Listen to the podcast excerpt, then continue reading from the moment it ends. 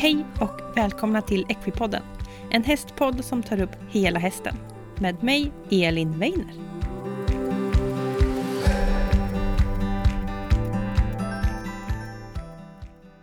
Hej alla Equipodden-lyssnare och välkomna till ett nytt avsnitt av Equipodden.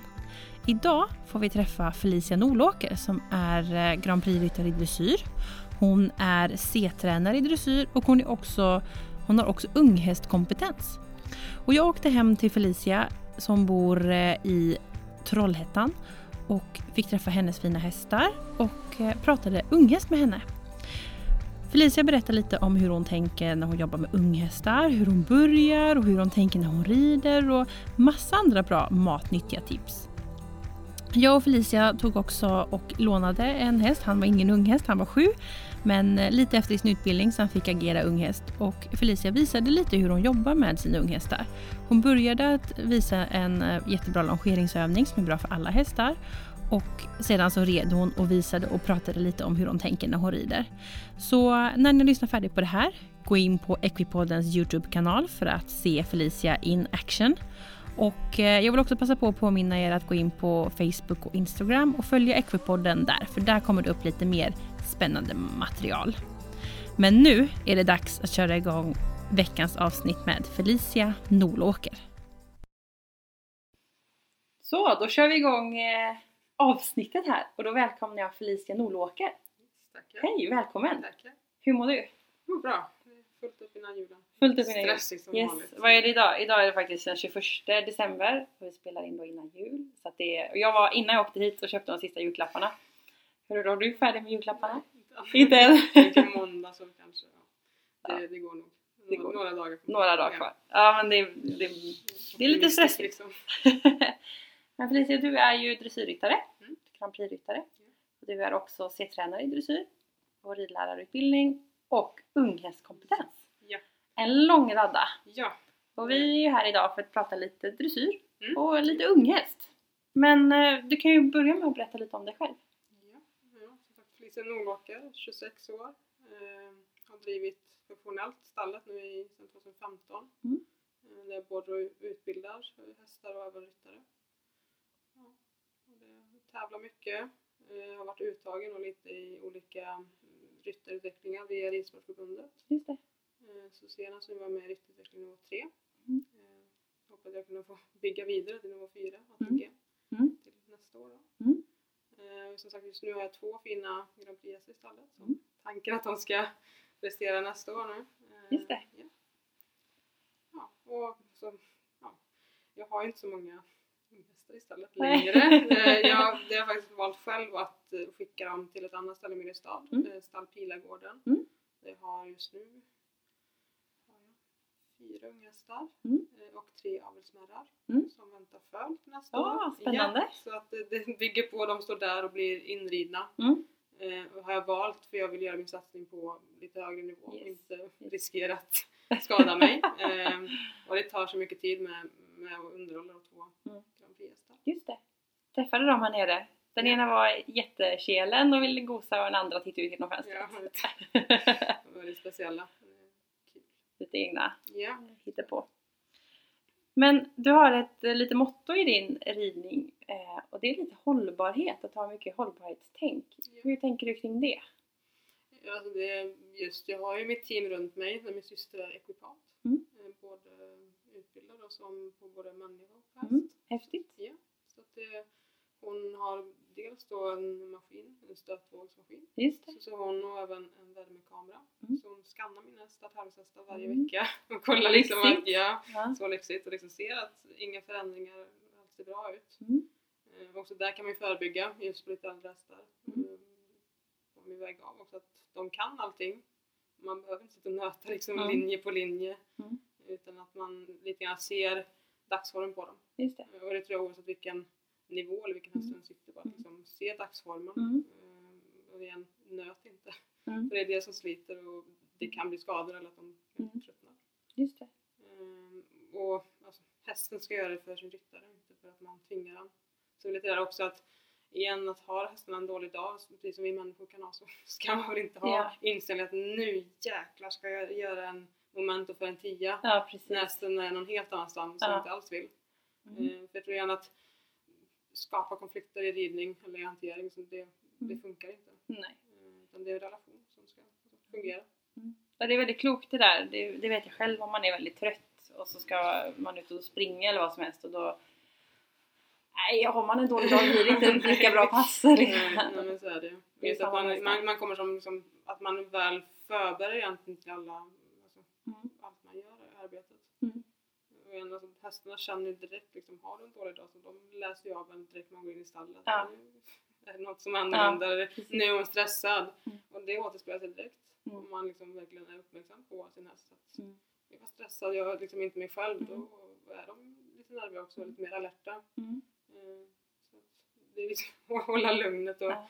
jag tror att det, i och med att jag jobbar med det, alltså, har jobbat med det så pass länge, eh, så jag kan alltså, läsa av på ett helt annat sätt liksom att Mm. jag vet att springer jag in i stallet och är stressad så, så liksom, det är ingen idé att försöka Mm. liksom, få hästen att prestera på topp den dagen. Mm. Mm. Eh, utan alltså, verkligen håll lugnet och vara professionell. Och jag tror att det, igen, det är klart, på en hobbynivå kanske man har stressigt på jobbet och liksom springer till stallet för Ja. mocka och göra allt det där. Sen ska man rida också, man måste hinna med det. Då är det bättre att strunta i att rida liksom, Mm. och, och så ägna den tiden åt att liksom, i- alltså, i- på backen eller Mm. vad som helst. Mm. Än att sitta upp och det blir liksom kaos. Mm. Mm. Eh, för hästar är så pass känsliga så att det, igen, alltså oavsett ålder och oavsett vad, vad det är för häst så liksom, det är en individ som är väldigt känslig för förändringar och de är flyktdjur. Det får Mm. man liksom inte glömma. Mm. Mm. Eh, och liksom ser man faror och man själv liksom är spänd och nästan lika rädd som häst och de tar av liksom. Ja. Så det, det är inte konstigt. Ja, just det. Ja, men det, det tror jag är jätteviktigt. De känner av. Så att läsa av hästen och liksom dagsformen är viktig och inte sitta och nöta. Det är viktigt för dig. Ja. Mm. Och så, alltså, igen att det är klart, jag kan ju se alla mina hästar så, så mycket under dagarna i och med att jag, jag är på gården. Ja, Och jag ser dem varje dag så jag vet också deras rutiner. Medan kanske någon som har sin häst inackorderad är där några timmar. De, de Mm. vet inte riktigt hur sin häst Mm. fungerar. Mm. Jag tror där igen också att man verkligen lägger tiden och timmarna hellre på, på att se liksom hur Mm. alltså hästens rutiner, vad den gör och vad Mm. den alltså, hanterar saker. Mm. Än att bara, nu ska vi rida. Ja, just Och det. liksom aktivt en timme och sen ställa in i boxen och så åka hem direkt. Ja, just det. Så man verkligen har liksom Det är ett bra skapar en relation med sin häst. Ja, just det. Det är ett väldigt bra tips. Och bara ta sig tid. Ja men precis, Mm. och verkligen släppa allting annat för du, du är liksom i stallet där du vill vara Mm. förhoppningsvis. Eh, Så, så man, liksom, man inte liksom har det som ett tvång eh, utan verkligen att det här vill jag göra och det här är kul och bara släppa allting annat. Mm. Hä- Häftigt. Ja, det är nog viktigt och det är nog viktigt allmänt i livet det du säger. Att känna är man stressad och bara behöver inte prestera Mm. allt. Och, och nu när det är jul så jag behöver kanske inte storstäda huset. Jag behöver inte göra tio sillar. Precis. Hitta lugnet tror jag. Lagom. Lagom är bra. Samhället är på väg åt stress. Ja. Eh, Då tänkte jag, för du, jag såg på dina sociala medier att du igår då när vi spelade in det här hade en liten öppen träning eh, som handlade om eh, att, hur man ska ha, underhålla Grand Prix-hästen över vintersäsongen. Mm. Vill du berätta lite om hur det gick? Ja, det var då med min 15-åriga Grand Prix-häst, Dubai. Mm. Så jag köpte i våras eh, och han är en väldigt speciell herre. Ja, det var han som tittade ut genom fönstret när Ja, jag kom. han är väldigt eh, jättetrevlig men han har sina idéer och vissa dagar så bara undrar man vad han på? Så han har varit eh, lite besvärlig i början. Eh, han har haft samma ägare eh, hela sitt liv, samma uppfödare. Mm. Eh, yes, verkligen, det, han passar mig så perfekt och det känner jag redan på första provet att den här hästen ska jag Ah. ha. Så det var liksom verkligen perfect match. Eh, och sen var jag ute på min första tävling med honom och han, han bara flög tre meter rakt upp i luften precis framför domarna. Eh, och han helt galen blev han. Eh, så, så efter det så var det min hemmatränare Jessica Nordin som rekommenderade mig att du ska träna för min tränare i Mm. England, eh, David Hunt. Mm. För han kommer kunna hjälpa dig med det här. Mm, Eh, mm. Så, så det var efter jag började träna för honom som allt det där egentligen släppte. Ja, coolt. för, ja men, och igen liksom att han är ju jätteduktig David och fantastisk Mm. alltså meritlista. Mm. Och väldigt brittisk är han. Mm. väldigt brittisk är det. Eh, och jag visade upp honom när jag haft problem med fjäffen på Dubai. Eh, och själv inte vågat riktigt. Mm. Eh, För igen, han tar lite grann vägen uppåt när han blir pressad. Ja. Eh, Och liksom, som rytter, det är svårt även alltså, jag är så att rutinera men just när de tar den vägen så är det svårt liksom, Ja. att kunna göra någonting. Ja. Och så hör jag David bara Sitt kvar och bara ignorera. Och jag är liksom flyger upp i luften igen. Men att det, jag tror David har hjälpt mig mycket med den mentala biten hos Mm. ryttarna. Eh, och just så igen om jag går tillbaka till att du måste släppa allting annat Mm. och verkligen vara med hästen och känna liksom, känslan och eh, connection Mm. eh, mellan sin Mm. häst och sig själv. Liksom, att det är ett band däremellan som måste fungera. Hästen måste lyssna på mig och mina Ja. hjälper. Eh, och igen tvärtom att jag måste också lyssna på hästen. Att Mm. nu känner jag spänd. Jag måste göra någonting åt innan det blir för mycket och det. Ja. det kommer bli farligt. Eh, för igen att vissa hästar kan vara väldigt förlåtande och vissa så, så blir det farligt. Mm. Mm. Eh, och igen att man är så pass skicklig så att kunna läsa det och bara kunna bryta ett sånt Mm. beteende som är och igen få hästen mer fokuserad på arbete och på sin ryttare. Mm. Eh, och jag tror det är där att inte igen nöta på hästen på samma sätt att liksom lägga en diagonal i en Mm. fin travverkning efter diagonal igen. Utan verkligen, alltså, vi jobbar jättemycket med grundridning. Mm. Alltså oavsett vad det är för så så bara grundridningen liksom. Den ska trava, lägger en övergång så ska den skritta. Alltså kvickheten. Mm. Eh, och jag tror att det är där många blir så, jag, de tänker att den här idén av att varje pass är perfekt när man rider på en. Grand Prix-häst. Mm. Det, det är så långt ifrån Ja. alltså, verkligheten. Eh, och det är därför jag bjöd in dig igår till den här öppna träningen. För, för att visa igen att det är så här jag jobbar, eller vi jobbar Ja. eh, med Dubai då. Att det är inte vi rider piaff och passage i 45 minuter och han är jätteduktig utan det är mycket övergångar och igår var han lite spänd för att det såg annorlunda ut i det. Ja, det var trauma för honom. eh, och igen, liksom, det bara gå tillbaka till liksom, att den ska skritta när du säger skritt, den ska trava när du säger trav och liksom bara verkligen leka fram igen det här intresset att hästen ska lyssna på sin ryttare Mm. och inte bli så, Mm. så skärrad över att eh, det sitter någon på, på fel ställe då, eller Mm. det ser annorlunda ut i ridhuset. Eh, så man som ryttare förminskar världen hos hästen. Just det. Utan igen, den kan få kolla men den ska inte reagera och Just få, det. få utlopp för det va. Ja, Just det, att du säger okej jag förstår att du får titta men ja, det är lugnt precis. liksom. Att den kanske spetsar ett öra då men den ska liksom trava där du ser att den ska trava. Mm. Eh, så man inte bara tänker att nej men nu är den rädd för den här kortsen, då ska jag inte rida där. Mm. Och man liksom förminskar världen då. Mm. Eh, för hästen till slut kan man inte göra någonting för att den reagerar för allting och blir Just spooky. Mm. Eh, Så det är väl i stort sett det vi jobbar mest med Dubai då, att han måste vara fokuserad för han, igen, han kan allting han, jättebra. Vi kan alltid förbättra såklart. Men har du inte alltså, huvudet med Mm. så, så kan man inte göra någonting egentligen. Ja precis. Eh, precis. Så igen, liksom, det är verkligen kunna få den här så känslan av att han jobbar för mig och han vill jobba för mig. Ja just det. Eh, istället för att liksom, den är rädd men man ska tvinga den till det. Den ska inte vara rädd om man liksom pressar den till Mm. att igen lyssna utan den ska ju vilja. Ja. Alltså själv göra allting. Mm. Eh, så, så det, det är så vi jobbar. Mm. Hur jobbar du för att komma dit? Vad är det för, är det mycket lydnad och grundridning och förtroende eller har du, eller hur kommer man framåt om man har en häst som är väldigt spooky så? Det, alltså, det är jätteberoende på dels på hästen Mm. och situationen. Liksom att, har de varit med om ett trauma mm, som min andra häst då, han är jätteljudkänslig, eh, Grand Prix-häst. Mm. Och där har vi jobbat mycket då med att vi kan ha alltså, volym på ridsen med musik och vi kan höja den utan att han direkt går till spänning. just så det. att, alltså, jag rider som ett vanligt pass och så låter jag stå någon som kan ändra då volymen på högtalarna, Ja. liksom att höja och sänka utan att han direkt går, går och Mm. låser sig och spänner sig. Eh, och så blir så att han blir spänd så sänker vi igen och så bara jobbar jag. Alltså Ja. mycket övergångar Mm. för att få honom igen att börja fokusera och slappna av. Och jag upplever att de flesta spänningar som ryttaren mest kan känna sitter i nacken. Mm. Och går de och spänner sig så, så de låser direkt under halsen, låser nacken Mm. Mm. och spärrar till och Mm. blir stiffa. Och jag tror där igen så, så behöver man verkligen jobba med att få dem alltså, avslappnade Mm. verkligen vilja själva kunna kanske nästan gå till ett stretchläge. Mm. Um, för igen ska man pressa dem till någonting där de redan är spända Mm. det är där vi får konflikterna. Mm. Och det är där det blir missförstånden.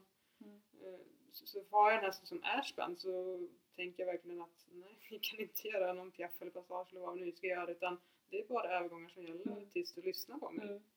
Mm. Eh, Så behöver jag liksom rida 100 övergångar på ett pass och så gör jag det. Mm. Men känner jag att nu är det bra, då kan jag bygga vidare på det. Mm. Och liksom, beroende på hur lång tid det tar då. Mm. Att mycket skrittarbete, gå upp till trav, direkt om de blir stressade och spända så då går jag tillbaka till skritten. Mm. Bara igen för att bryta ett beteende där hästen vet att nu kommer ryttaren bara säga till att nej Just det. och spänna sig själv. Just man blir lätt så jag, instängd i sina tankar också som ryttare att åh nej nu blir den spänd och det är mitt fel. Och just så, så kommer alla de här tankarna att Ja. liksom, jag gör fel. Mm. Eh, När man kanske bara igen behöver lyssna på varandra och liksom skapa det här bandet mellan hästens tankar och ens egna Just tankar. Mm. Utan att eh, det blir de här eh, missförstånden. Spännande. Och innan vi tryckte på att vi började spela in så sa vi just det här med att eh, på till exempel Instagram och så, så ser man 20 sekunder eller 30 sekunder video och så ser man en jättefin häst som gör någon jättefin ökning eller någon piaff eller passage och det ser perfekt ut. Men att det är så mycket annat Ja. i ett ridpass. Ja, det är, alltså, det är inte verkligheten tyvärr. Det man ser på som sagt, sociala medier och det tror jag också är en liten fel bild till ryttare eller unga ryttare framförallt som sitter där själv och liksom vill ha Mm. den här Mm. perfekta travaökningen. Mm. Eh, och igen tappa liksom själva konceptet med vad ridning är eller vad man vill få ut av sin ridning. Eh, så, verkligen att jag möter kanske max en gång per två veckor jobbar jag Mm. lite mer de, de momenten. Eh, Vi kanske har lite mer piruettarbete Mm. eh, vid och passage och galoppombyten och serier. Mm. Men verkligen inte bara för att jag tycker att det är roligt eller för att jag liksom vill visa upp det utan bara för att påminna om att det är det här du ska kunna liksom och bara, bara checka av liksom att du kommer ihåg det fortfarande. Ja, just det. och sen gå tillbaka. Och vi sa det igår också att det man ser på TV då med världseliten att det de gör på banan det är ju liksom i stort sett helt prickfritt från missar. Mm. Men de sitter inte så varje dag hemma och rider. Precis. Och det får man inte glömma bort att liksom, det är det arbete man lägger grunden till hemma. Mm. Det är det som man ska ut och visa upp då, som Mm. tävlingsryttare. Mm. Mm. Och då måste man också vara väl förberedd och veta att liksom, det här funkar och då tycker jag att basic ridning, liksom grundridning, att hästen måste lyssna Mm. innan man kan bygga vidare och gå upp de klasserna. Eh, Och jag tror där genom man ska gå in lite på unghästbiten att Mm. det kanske är lite luddigt egentligen grundridningen att de ska springa och vara flashiga Mm. eh, men de kan inte ta en halvhalt. Mm. Mm. Och det kan de, alltså, nu ska jag inte säga all, alla sådana men jag tror att det man ser igen i utvecklingen av ridsporten att den är kanske på väg lite åt fel håll just Mm. eh, så just unghästar och unga individer att de kan trava för en tia men igen att de kanske inte gör det för att de vill. Just det. För att de har blivit tvingade och de har sprungit bakom en piska med en plastpåse på. Ja. Det är fram dem eller andra grejer att de, de blir pressade till och helt nästan stänger av själva. Mm. Mm. Så jag tror att det är tyvärr många hästar, unga hästar som är brända. Mm. Och har du en bränd unge så är det svårt att gå vidare med den. Mm. Så vi pratar lite om att det är lite uppdelat egentligen championats alltså hästar, unga hästar, Mm. championatshästar och eh, faktiskt de som blir Grand De som Prix-hästar. blir, ja. Att det är en sån stor så, spann däremellan. Att, så att går de som går alltså, högt på championat unghästar, vart är de sen om alltså, fem år? För majoriteten är inte i Grand Prix. Just det. Och det där är jätteintressant och det ser man ju mycket många unga hingstar som är så wow, oh, wow, men och sen försvinner de efter några år. Eh, Så det är nog väldigt klokt. Men hur ska man tänka? Vi går över lite på unghästar här nu då. Vad är det viktigaste? Det är att försöka bevara glädjen, eller är det, tolkar jag det rätt då? Ja, alltså självklart eh, är det det. Eh, Men också, man får ju lägga grunden och inte igen ha den här ideala bilden av att det ska alltid ska gå prickfritt. Att Mm. den ska kunna trava för en tio och galoppera för en tio och Mm. skritta för en tio och så ska den vara lösgjord på det. Mm. Eh, och det ska liksom bara gå åt ett håll eller en riktning utan det är så mycket berg och dalbanor och vissa dagar så kan man inte ens sitta upp på dem och vissa dagar kan man rida jättebra på dem. Och det är så jätte så, så svårt Mm. att kunna så, avgöra just att få den här perfekta så, utbildningen på en unge för att de är så man får tänka att det här är en individ eh, som mitt koncept kanske inte alltså, passar på till 100%. Mm. Då får man kanske ändra om lite och verkligen skräddarsy det för den hästens så här, det. fördel, eller till hästens Mm. fördel. Eh, så man inte igen har där tänker att nej, det här är mitt koncept, jag kommer inte gå utanför ramen utan det är liksom det här Just som funkar Mm. och det finns ingen annan väg att gå.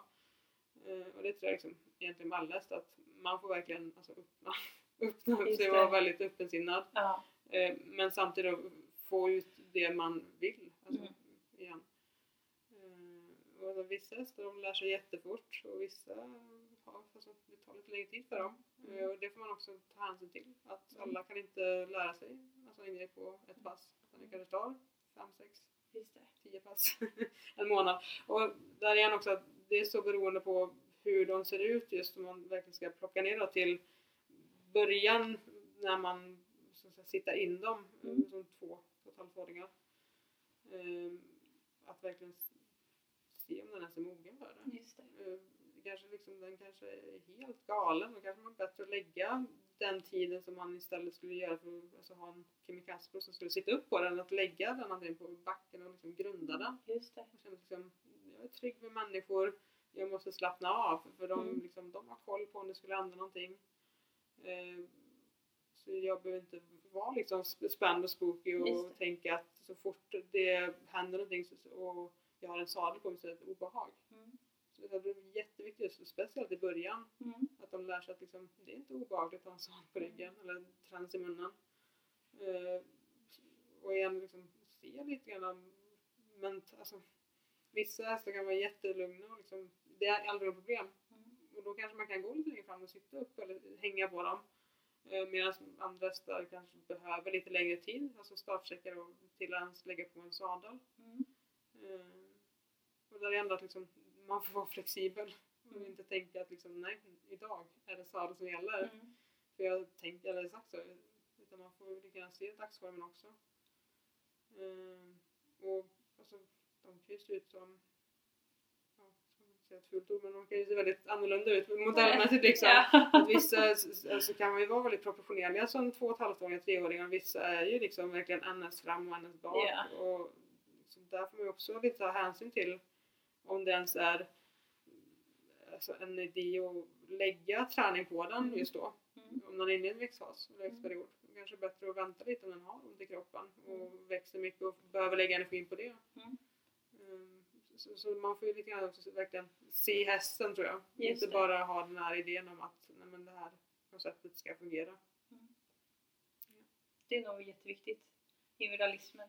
Men om man börjar då två och ett halvt ungefär.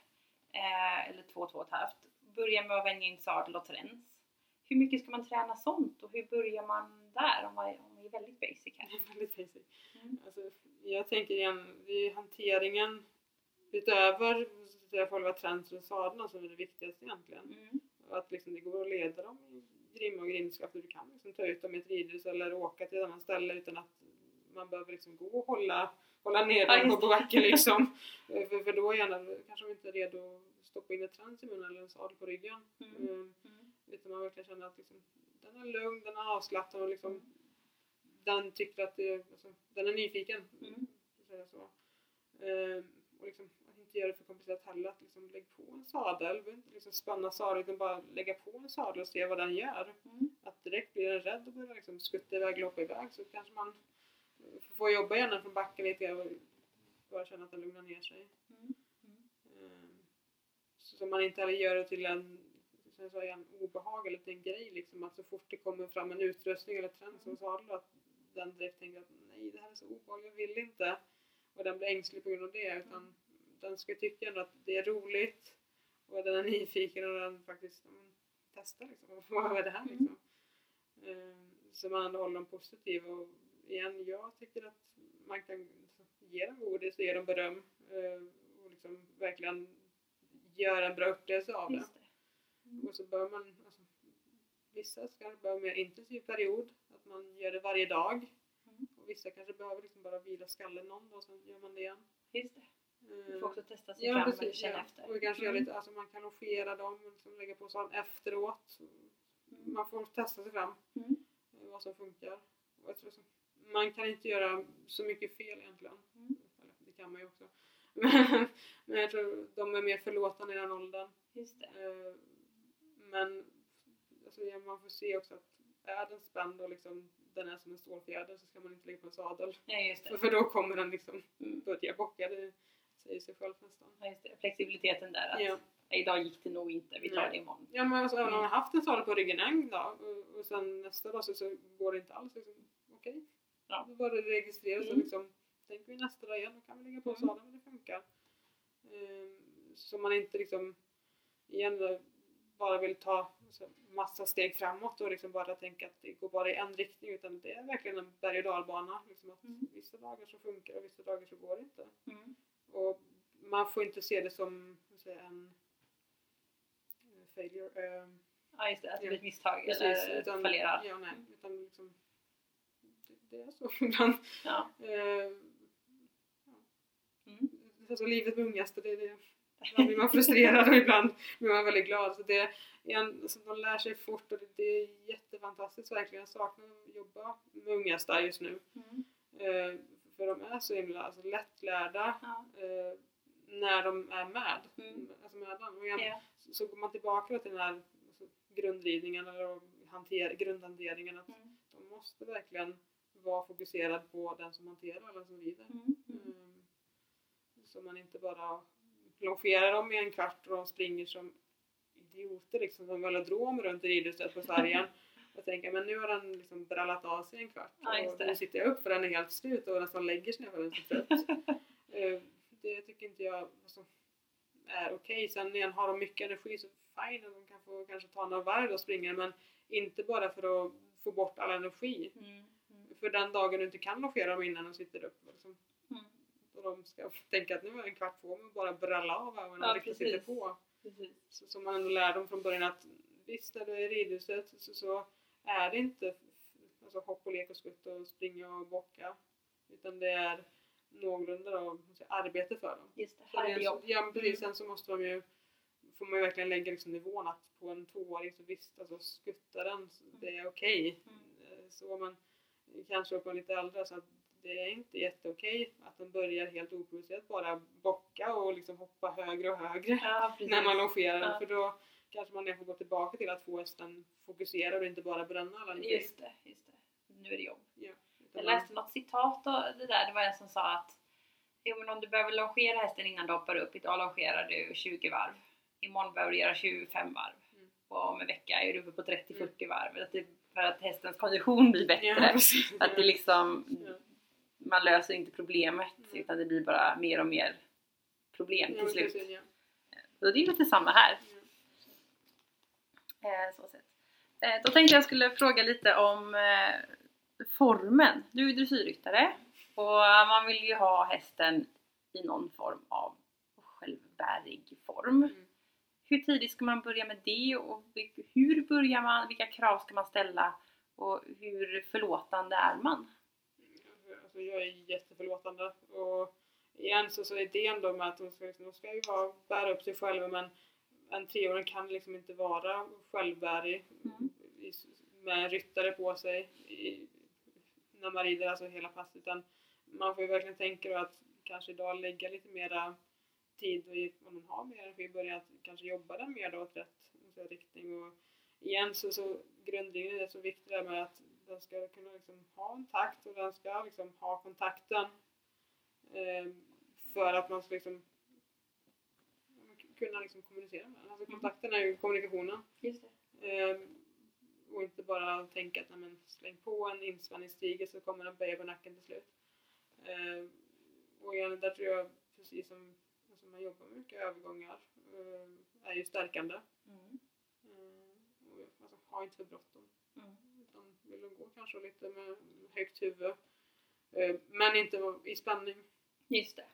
Eh, det är skillnad där. Att går den och så bara är rädd för allting så kanske man igen får eh, tänka att det kanske inte är riktigt mogen för, för det. Mm. Utan ha den på lina då och ha någon som alltså, håller om Mm. man sitter på och rider.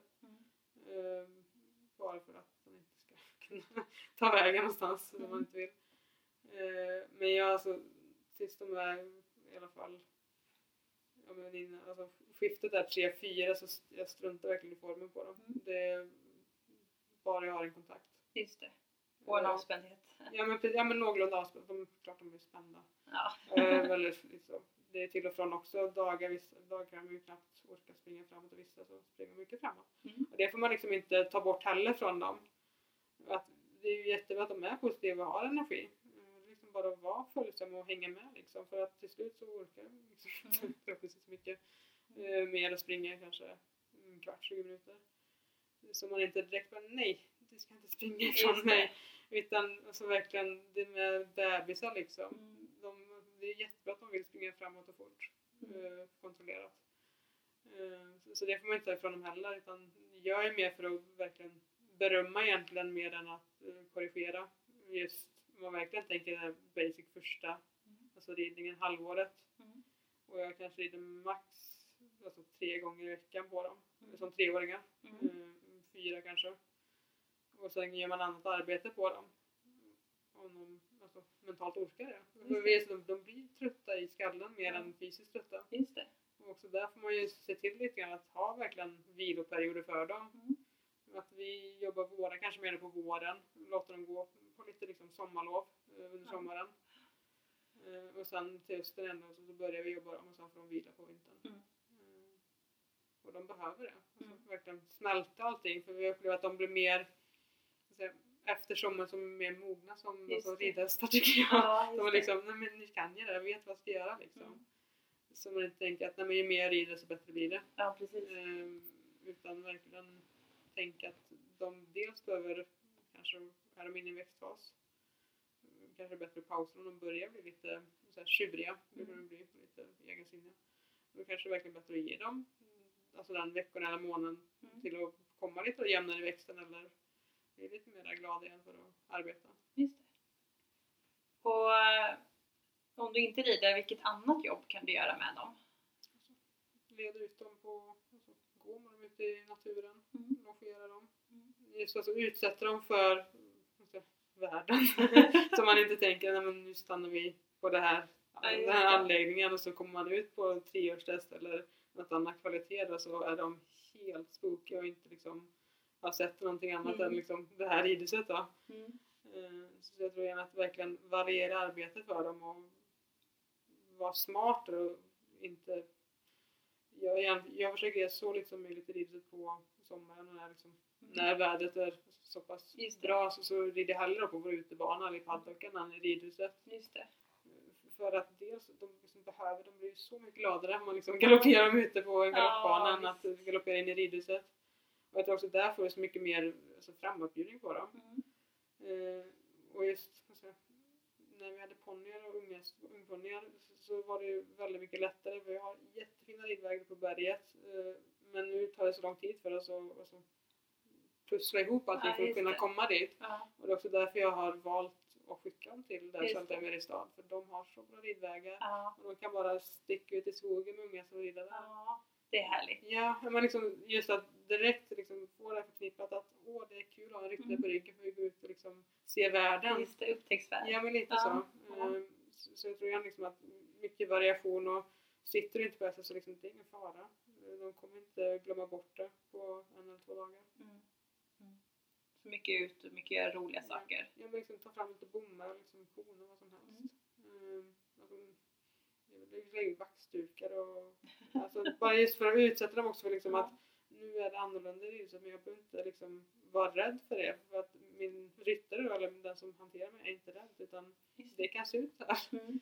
Mm. Ehm, och verkligen vara smart också att inte pressa dem för mycket utan se lite att har de en dag där de är spända så ska jag inte slänga ut en vaxduk på backen som är läskig eller koner, utan Mm. kanske vi tar lite och avvaktar bara igen, jobbar de lite grann när de ska flytta, flytta sig undan för sin ryttare Mm. eh, från backen. Så, så att igen får man verkligen vara smart också och tänka att Mm. inte för så, eh, inte ha för mycket ambitioner på en häst som är spänd. Just det. Eller inte med mentalt. Just det. Då får man tänka om och vara Ja men alltså egentligen oavsett vilken ålder och liksom på häst det är så, så får man inte ha de här ambitionerna att nu, idag så ska vi göra det här som är Mm. för svårt för vart den är mentalt. Mm. Eller vart man själv är mentalt. Mm, mm. Ja, det gäller nog alla hästar. Mm. Det är nog väldigt sant. Och som du sa där, vart är jag mentalt? Att man är ärlig mot sig själv. Mm. Vad har jag med mig från dagen? Hur har dagen varit? Och så man liksom har rätt inställning.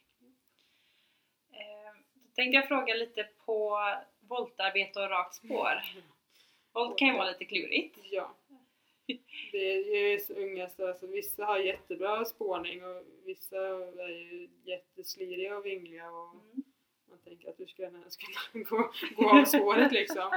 Och jag tror, jag brukar göra så, jag lägger upp en korall liksom, en volt med bommar Mm. så, som den har ändå lite så här, trygghet med. Ja, att den inte bara kan liksom slira iväg mot väggarna Mm. för de tycker att väggarna är fantastiska att kunna Ja, bära sig mot. Ja. Och det är bättre att kanske liksom, har man inte en rundkorall själv kunna bara lägga lite som bommar för att hjälpa dem liksom att Lägger på marken. Ja men precis, Mm. så kan man dra antingen innanför eller utanför dem. Mm. Eller konen liksom funkar också. Bara någon mental Ja men, ja, men precis, bara någonting som liksom kan hindra dem från Ja. att sticka iväg.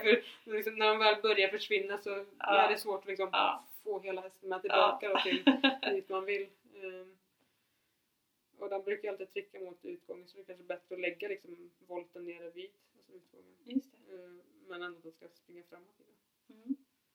Mm, ja. Och igen, liksom att de, någon gång måste de ju också lära sig det.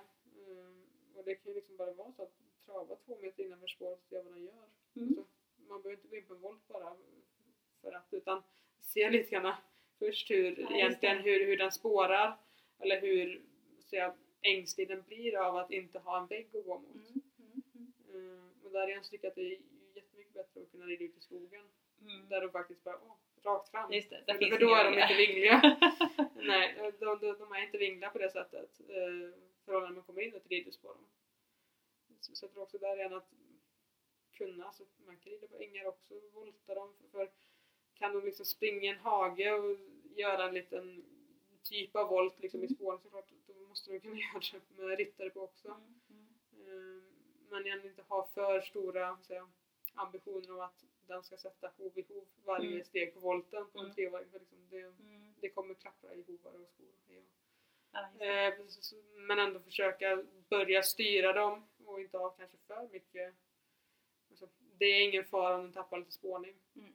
Men alltså försöka få en volt. Det är alltid bra. Eh, och igen kanske bara skära av dem man känner att ja, första halvan går bra och sen så börjar den flyta iväg och sticka iväg och vill åt andra hållet så kanske man lägger Mm. en bom där då. Just Så det. den inte kan Just eh, gå dit. Eh, Det är ett jättebra tips. Det kanske hjälper även, det finns ju äldre hästar som är vingliga också. ja precis. Så att de alltid åker åt Ja. ett håll så. Ja. ja. Och igen så liksom, handlar det också om kontaktfråga och att det är klart på en unge så, så du, du styr lite grann liksom, vägen med en tygel att nu ska vi hit. Ja, Då kommer hon lite grann sticka iväg åt andra hållet också. Mm. Så, så, idealet hade verkligen varit att få en jämn kontakt på en, Ja. på en unge som verkligen styrar dem eh, runt. Mm. Tänker mer att man styr bogen än huvudet på dem. Mm. Men där igen så liksom funkar det på en så att häst som är så pass framme som treåring så det är ju fantastiskt. Mm. Men alltså, det, de jag har suttit på de är inte riktigt där. Och det ser inte, alltså, man, man ska inte kalla det volt egentligen på en treåring utan så styr något, försöka styra Ja, spåret det. liksom Ja. och hoppas på att det blir någorlunda runt. eh, och igen, liksom, ju mer du lär dem till det, liksom, de faktiskt fattar att de, de ska liksom svänga så, så, så kommer också spårningen bli bättre. Mm. Mm.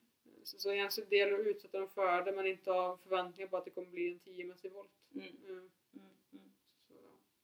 Och var inte rädd om de tappar spårning eller börjar klonka i skorna. Liksom. Nej. För det handlar också om liksom, alltså, styrka, trötthet och en balansfråga. Ja, det kommer Och- sen. Ja, ja men liksom, det kommer slå i. Ja. är, är när de blir trötta. Ja. Så, så att, liksom, tänka att liksom, man kan inte bygga en treåring på en månad utan det tar tid och liksom, man får verkligen Mm. Mm. så bygga dem så pass mycket så att dels så de är fysiskt okej med det men också mentalt då. Ehm, Ja. Och igen verkligen se växtperioder att kanske inte läge att börja med någonting lite svårare nu på den. Mm. För den är liksom i nedförsbacke med typ 10 centimeter. Mm. eh, och har svårt att trampa under sig då. Eh, då kanske det är bättre att verkligen liksom, jobba den basic och, eller vila den. Mm. Mm. Eh, Just det. Var lyhörd för det. ja precis. Mm. Mm. Det är ju väldigt mycket idag, vi, vi var snuddat lite på det förut, det här med treårstest och kvalitet och att, eh, att man kan visa upp något flashigt och kanske få bra och att det kanske inte blir så mycket sen. Hur viktigt är det att matcha till och hur svårt är det att matcha till de här testerna? Eh, det, måste man göra det tycker du? Och, eller ska man ta hjälp om man har en ung häst? Eh, och vad ger det om man försöker matcha mot de här testerna? Ja. Det är Just det, treårstest tycker jag det är jättebra för- där är det inte så, så, så, blodigt allvar egentligen. Eh, och det är jättebra att kunna utsätta dem för att åka till nya ställen och liksom löshoppa dem och liksom Mm. förbereda dem inför Mm. testet och och liksom åka till nya ställen, kanske sitta upp och rida lite, löshoppa dem. Mm. Um, för jag tycker de, de mognar alltså väldigt Mm. mycket på, på ett sånt ställe där de kommer liksom och alltså, de är nästan bättre än rutinerade tävlingshästar upplever jag på treårshästar. Mm. Eh, de jag varit på i alla fall. Eh, men igen, liksom, man får verkligen se till individen att ser den inte ens eh, okej ut liksom exteriört så kanske det alltså visst man kan visa den bara för att få betygen men Mm. vill man ha ut ett diplom eller nå- något annat så, så kanske man också får se att har den inte exteriören eller rätt benställning och Mm. inte alltså, rör sig på ett visst sätt så kanske man ska tänka om det och låta den gå ett år till som kanske visar Mm. bättre men alltså fyra år på kvaliteten. Mm. Ehm, Mm. Eller vad som.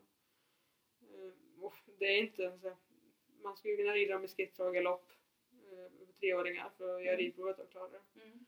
Eh, och jag upplever att liksom, de är så pass alltså, väl förberedda. Eh, Man ska ju förbereda dem för det så att de kollar ju bara på att liksom, det går att sitta kvar Ja, alla gångarter liksom, och årets formen. Ja. Eh, Så, så det, det, är liksom, det är inte jätte avancerat egentligen. Så jag tycker att treårshäst är bra. Mm. Sen så kan man ju kvala dem vidare och det, då är det mer inriktat på ridningen. Mm. Och alltså, då ska de vara ridna. Och det hade ju nog jag alltså, inte riktigt velat med mina. Mm. Jag hade en som fick diplom nu i år, eh, treåring, som vi valde på däck istället. Mm. Eh, och inte visade i finalen. Mm. Eh, just igen för, för att man, det är så lätt att bränna dem och Mm. liksom man lever lite på det här liksom att åh, du fick diplom, den är Ja, det. jättebra liksom och den rör sig fantastiskt och den ska liksom kunna bli ännu mer fantastisk på de här månaderna man har på sig. Ja. Så kanske man rider lite för hårt eller tar dem för hårt och inte riktigt Ja, det. märker att nej, men den vill egentligen inte. det liksom. blev för det, det, blir, ja. men Ja. det blir liksom alltså den hade kanske varit bättre att få vila en månad än Ja. att rida stenhårt en månad. Mm. Eh, för, för att kunna visa upp någonting flashigt och nere i Flyinge. Mm. Eh, så, så jag tror alltså, vissa har inga problem med dem. är liksom naturliga Mm. verkligen. Alltså, är liksom helt perfekta då Mm. och väl framför sin ålder. Men det är väldigt få procent som är det. Just det. Ehm, verkligen. Och då kanske det är igen bättre att låta dem gå lite om man har ledigt och igen kanske bygga vidare till Mm. kvaliteten. Mm. Eh, Så, så jag tänker mer egentligen på att jag vill att mina kommande stjärnor och egna uppfödare ska kunna bli Grand Prix-hästar hellre än ungchampionatshästar. Just det. Mm. Eh, Och det har ju varit diskussioner väldigt mycket om det att liksom är det en championatshäst eller är det en Grand Prix-häst du vill ha? Ja, Just det.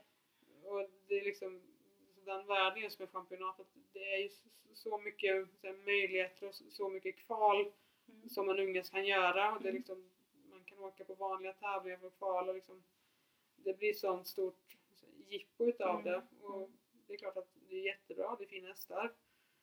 Men igen så majoriteten är inte Grand Prix sen. Mm. Mm.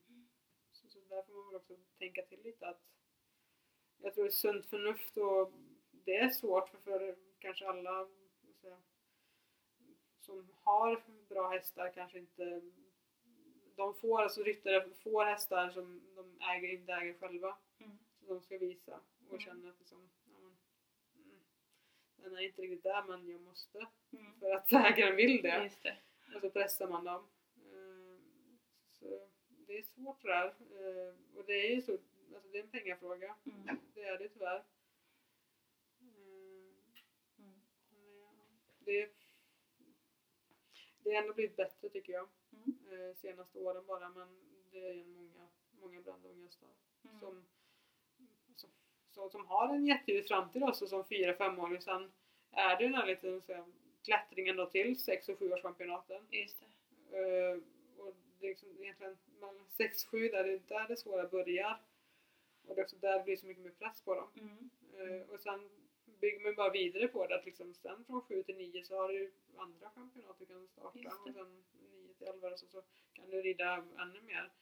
Mm. Och igen, det finns hästar som är jättemogna för det och liksom har allting så naturligt att då är det inga problem. Mm. Liksom, man behöver inte pressa dem men Mm. blir den här pressen och hästen liksom, den gör det bara för att den har blivit tvingad till det. Mm. Och sen liksom, det finns ingenting, alltså, de är helt avtrubbade i stort sett. Ja. Eh, och så får man så meriter för det. det. Det tycker inte jag som ryttare skulle kännas så jätteroligt. Utan Mm. jag tänker mig att liksom, det får ta den tid det tar och Mm. Inte eller vill inte till Grand Prix så liksom, då får man ju vara nöjd med dit man kommer med den. Mm. Eh, för alla så kan inte kunna gå Grand Prix. Just det. Eh, så är det. Men man, Mm. alltså, ger man bästa möjliga förutsättningar till dem alltså, så har man ju gjort allt man har kunnat som ryttare. Ja. Eller hästägare. Det är nog viktigt tror jag. Det, det är väldigt intressant.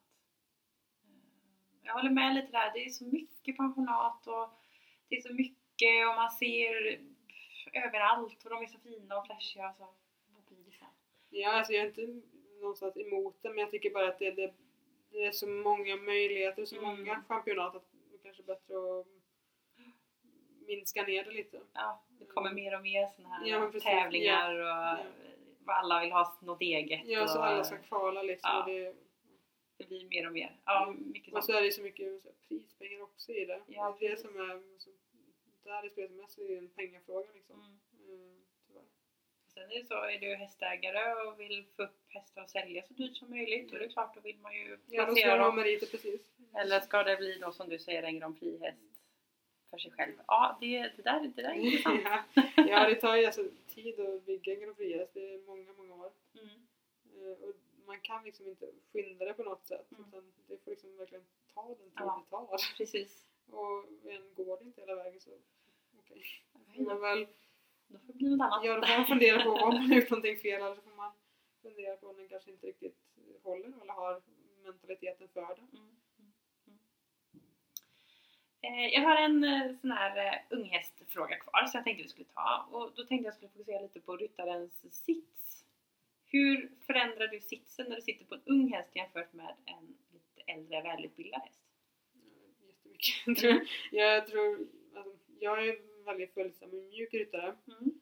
eh, oavsett egentligen vad det är för häst men jag försöker ju störa en unge så lite som möjligt Mm. eh, och verkligen vara försiktig liksom med Mm. häftiga så stora rörelser liksom, utan sitta stilla och verkligen lite grann läsa av hästen uppe på ryggen också att liksom Mm.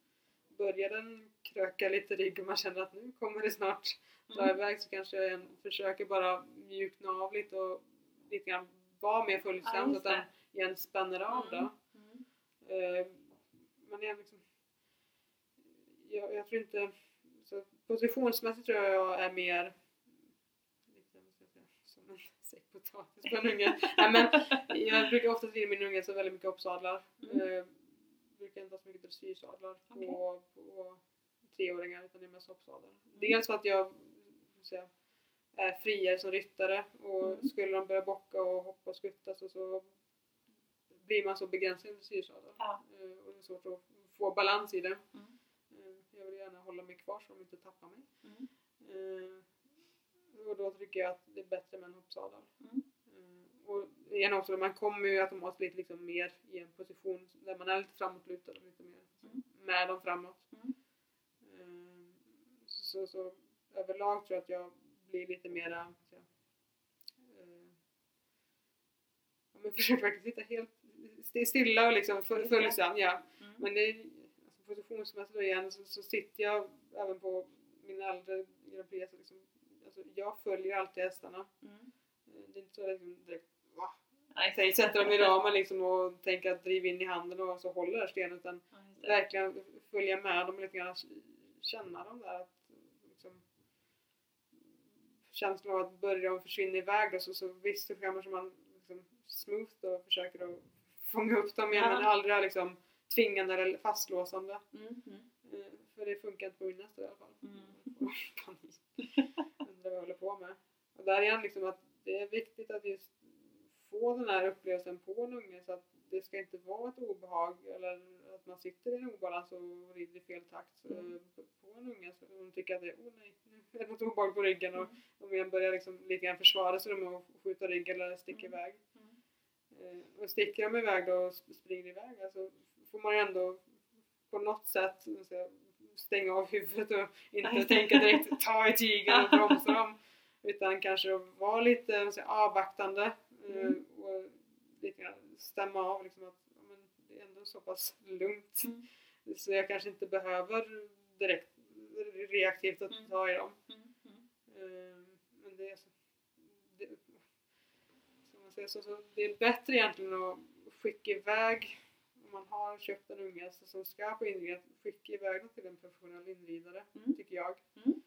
Eh, Som har den vanan, för, för det är lätt liksom att hamna i lite obalans eller man faller iväg och Ja. den hoppar till och ryttaren är inte riktigt med på det. Mm. Eh, Så, så menar att det inte händer ett trauma där de faktiskt tappar sin ryttare och, och tycker att det är jätteobehagligt att ha en ryttare på ryggen Just utan Ja. ändå försöka liksom att sådana som rider in hästen har ju ganska bra koll på sin kropp och balans och, Ja. och liksom kan läsa av det hästen. Eh, Och ofta så hjälper andra personer också för att liksom, man kan inte rida in en häst själv. Mm. Man behöver minst två personer. Just det. Eh, runt. ja, men som hjälper till liksom och håller och, och linar och allt möjligt. Eh, så, så jag tycker att det är mer bekvämare också veta att liksom, men nu har hästen fått bästa möjliga förutsättningen Mm. till att lära sig den här första. Mm. Mm. Och den har inte varit med om någonting traumatiskt för att de här är så professionella. Och liksom, den har bara lärt sig positivt från början. Mm. Och sen kunna bygga vidare så att även om jag tycker att det är kul att liksom sitta in unghästar så lämnar jag hellre iväg dem. Mm. Eh, För dels har jag tyvärr inte längre möjligheten till att ha två personer som kan hjälpa mig. Eh, och också där så, så alltså, ju mer du sitter på unghästar desto liksom mer kommer in i det tänket och alltså, även jag rider mycket så är jag ringrostig på unghästar just nu. Just. Eh, så, så Ja, jag men precis, liksom att det är jätteskillnad att rida utbildad häst och sen sitta upp på en unghäst. Ja. Eh, Så, så jag, lämnar iväg mina på alltså, insittning också. Mm. Och sen tar jag arbetet från det. Mm. Eh, Så, så just nu har vi haft det konceptet att de som, min unge som står i Mariestad har de ridit in och visat på trehjulshästet. Mm. Eh, och ridit eh, ridprovet. Och jag har sprungit med dem och det tycker jag är ett jättebra koncept. Mm. Att då, liksom, de är trygga och det är de som har hanterat mina hästar mest. Mm. Så inte jag tänker att "Nej, men nu ska jag komma och sitta upp på den här och rida där och liksom inte vet någonting om den. Bättre liksom att de har ridit in 10-12 hästar liksom på våren Mm. eller suttit in dem på hösten. Liksom, de har koll och väldigt mycket mer erfarenhet av det Mm. än vad jag har. Mm. Mm. Eh, Så handlar liksom inte vara en bra eller dålig ryttare utan liksom om att verkligen få hästen då till att faktiskt eh, slippa allt det här så här, trauma som kanske skulle kunna uppstå. Just det. Eh, och bara få dem att liksom, ja, men det här är jättepositivt och det är jättekul. Mm. Eh, och sen kunna bygga vidare är mer rutinerade. Eh, så tanken är att jag kommer ta hem mina unga så de blir alltså fyra. Mm. Eh, så får vi se. Mm. Se vad det blir. se vad det blir av dem. Eh, ja. Men om man väljer att ta hjälp, hur länge kan man tänka sig att man behöver lämna bort en ung häst? Hur lång tid behövs? Det är också jätteindividuellt. Liksom att man vill ju inte göra en så här, quick fix heller där man liksom tänker att en månad räcker. Mm. Eh, för det kanske tar två eller tre månader. Mm. Mm. Så jag tror man får inte heller stressa. Och det är klart det är en pengafråga. Eh, Mm. liksom att man kanske inte har råd. Mm. Eh, men så tror jag att man ändå får tänka att det är en investering. Ja. Ganska lång investering. Mm. Och det är också beroende på hur mycket utbildning du vill få. Liksom, vill du ha den insutten Mm. så liksom, det kan man göra på en månad. Mm. Men man får inte ha någon mer förhoppning liksom, att de ska alltså, liksom, gå på tygel och man kan släppa lös och liksom, de springer Ja, jättesnabbt. Utan då är det liksom linus och hjälp av Ja, varandra. det. Och så sitter man och hoppas på det bästa. Ja. Blir avkastad. Ja. Eh, så det är också liksom beroende på dels då individen, hästen, vad, hur den har blivit grundad från början. Om det är liksom en, liksom man tar det från lösdriften efter två och ett halvt år och tänker att varsågod, gör någonting med den liksom. Man har inte hanterat någonting. Mm. Då kanske det tar längre tid och man får liksom börja från grunden och jobba från backen och Mm. bara säga att de accepterar en människa. Just det. Om man liksom ska Ja, verkligen plocka ja. ner så då. Ja. Eh, Medan andra kanske är så pass liksom, hanterade och liksom välskött att det, det är aldrig några liksom, direkta problem som uppstår. Då kan vi som sagt sitta in dem liksom ganska snabbt. Mm. Eh, men igen så får man ju verkligen vara noga med liksom att det är det här jag vill med den. Eh, och jag tycker gärna att liksom, det får ta hur lång tid som det tar för att liksom få den Mm. till det målet man har då kanske ska kunna vara riden i skritt, trav, galopp eller om den Mm. bara ska vara insutten. Mm. Ehm, så är liksom, man, får, ja, man får ta lite, man får inte stressa dem i den åldern. Man får inte stressa överhuvudtaget utan Mm. verkligen vara försiktig eh, och inte dumdristig. Just det. Eh, och tänka att nej, men, det är lugnt, vi gör det själva det sista. Mm. Och så tar man hem dem när de kanske är lite igen, det är mycket i skallen för dem och liksom de har lärt sig Ja. nya saker och så ändrar man konceptet helt Ja, för dem och så Ja. blir det liksom Det är ett trauma kanske då. Ja. Ehm, så då är det kanske bättre att verkligen låta den vara kvar lite då, längre så får den lära sig rätt och så kanske den får åka hem och vila lite sen. Mm. Igen börja om Och sen liksom. börja om. Ja.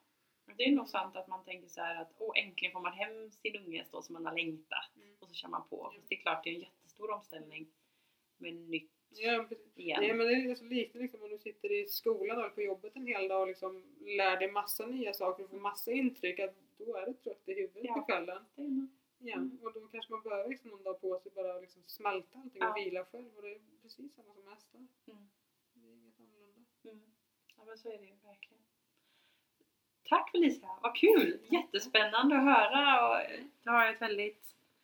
Alltså jag slås verkligen av din ödmjukhet mot hästen och det här eh, individen och det här lugnet på något sätt. Det tycker jag är jätteintressant.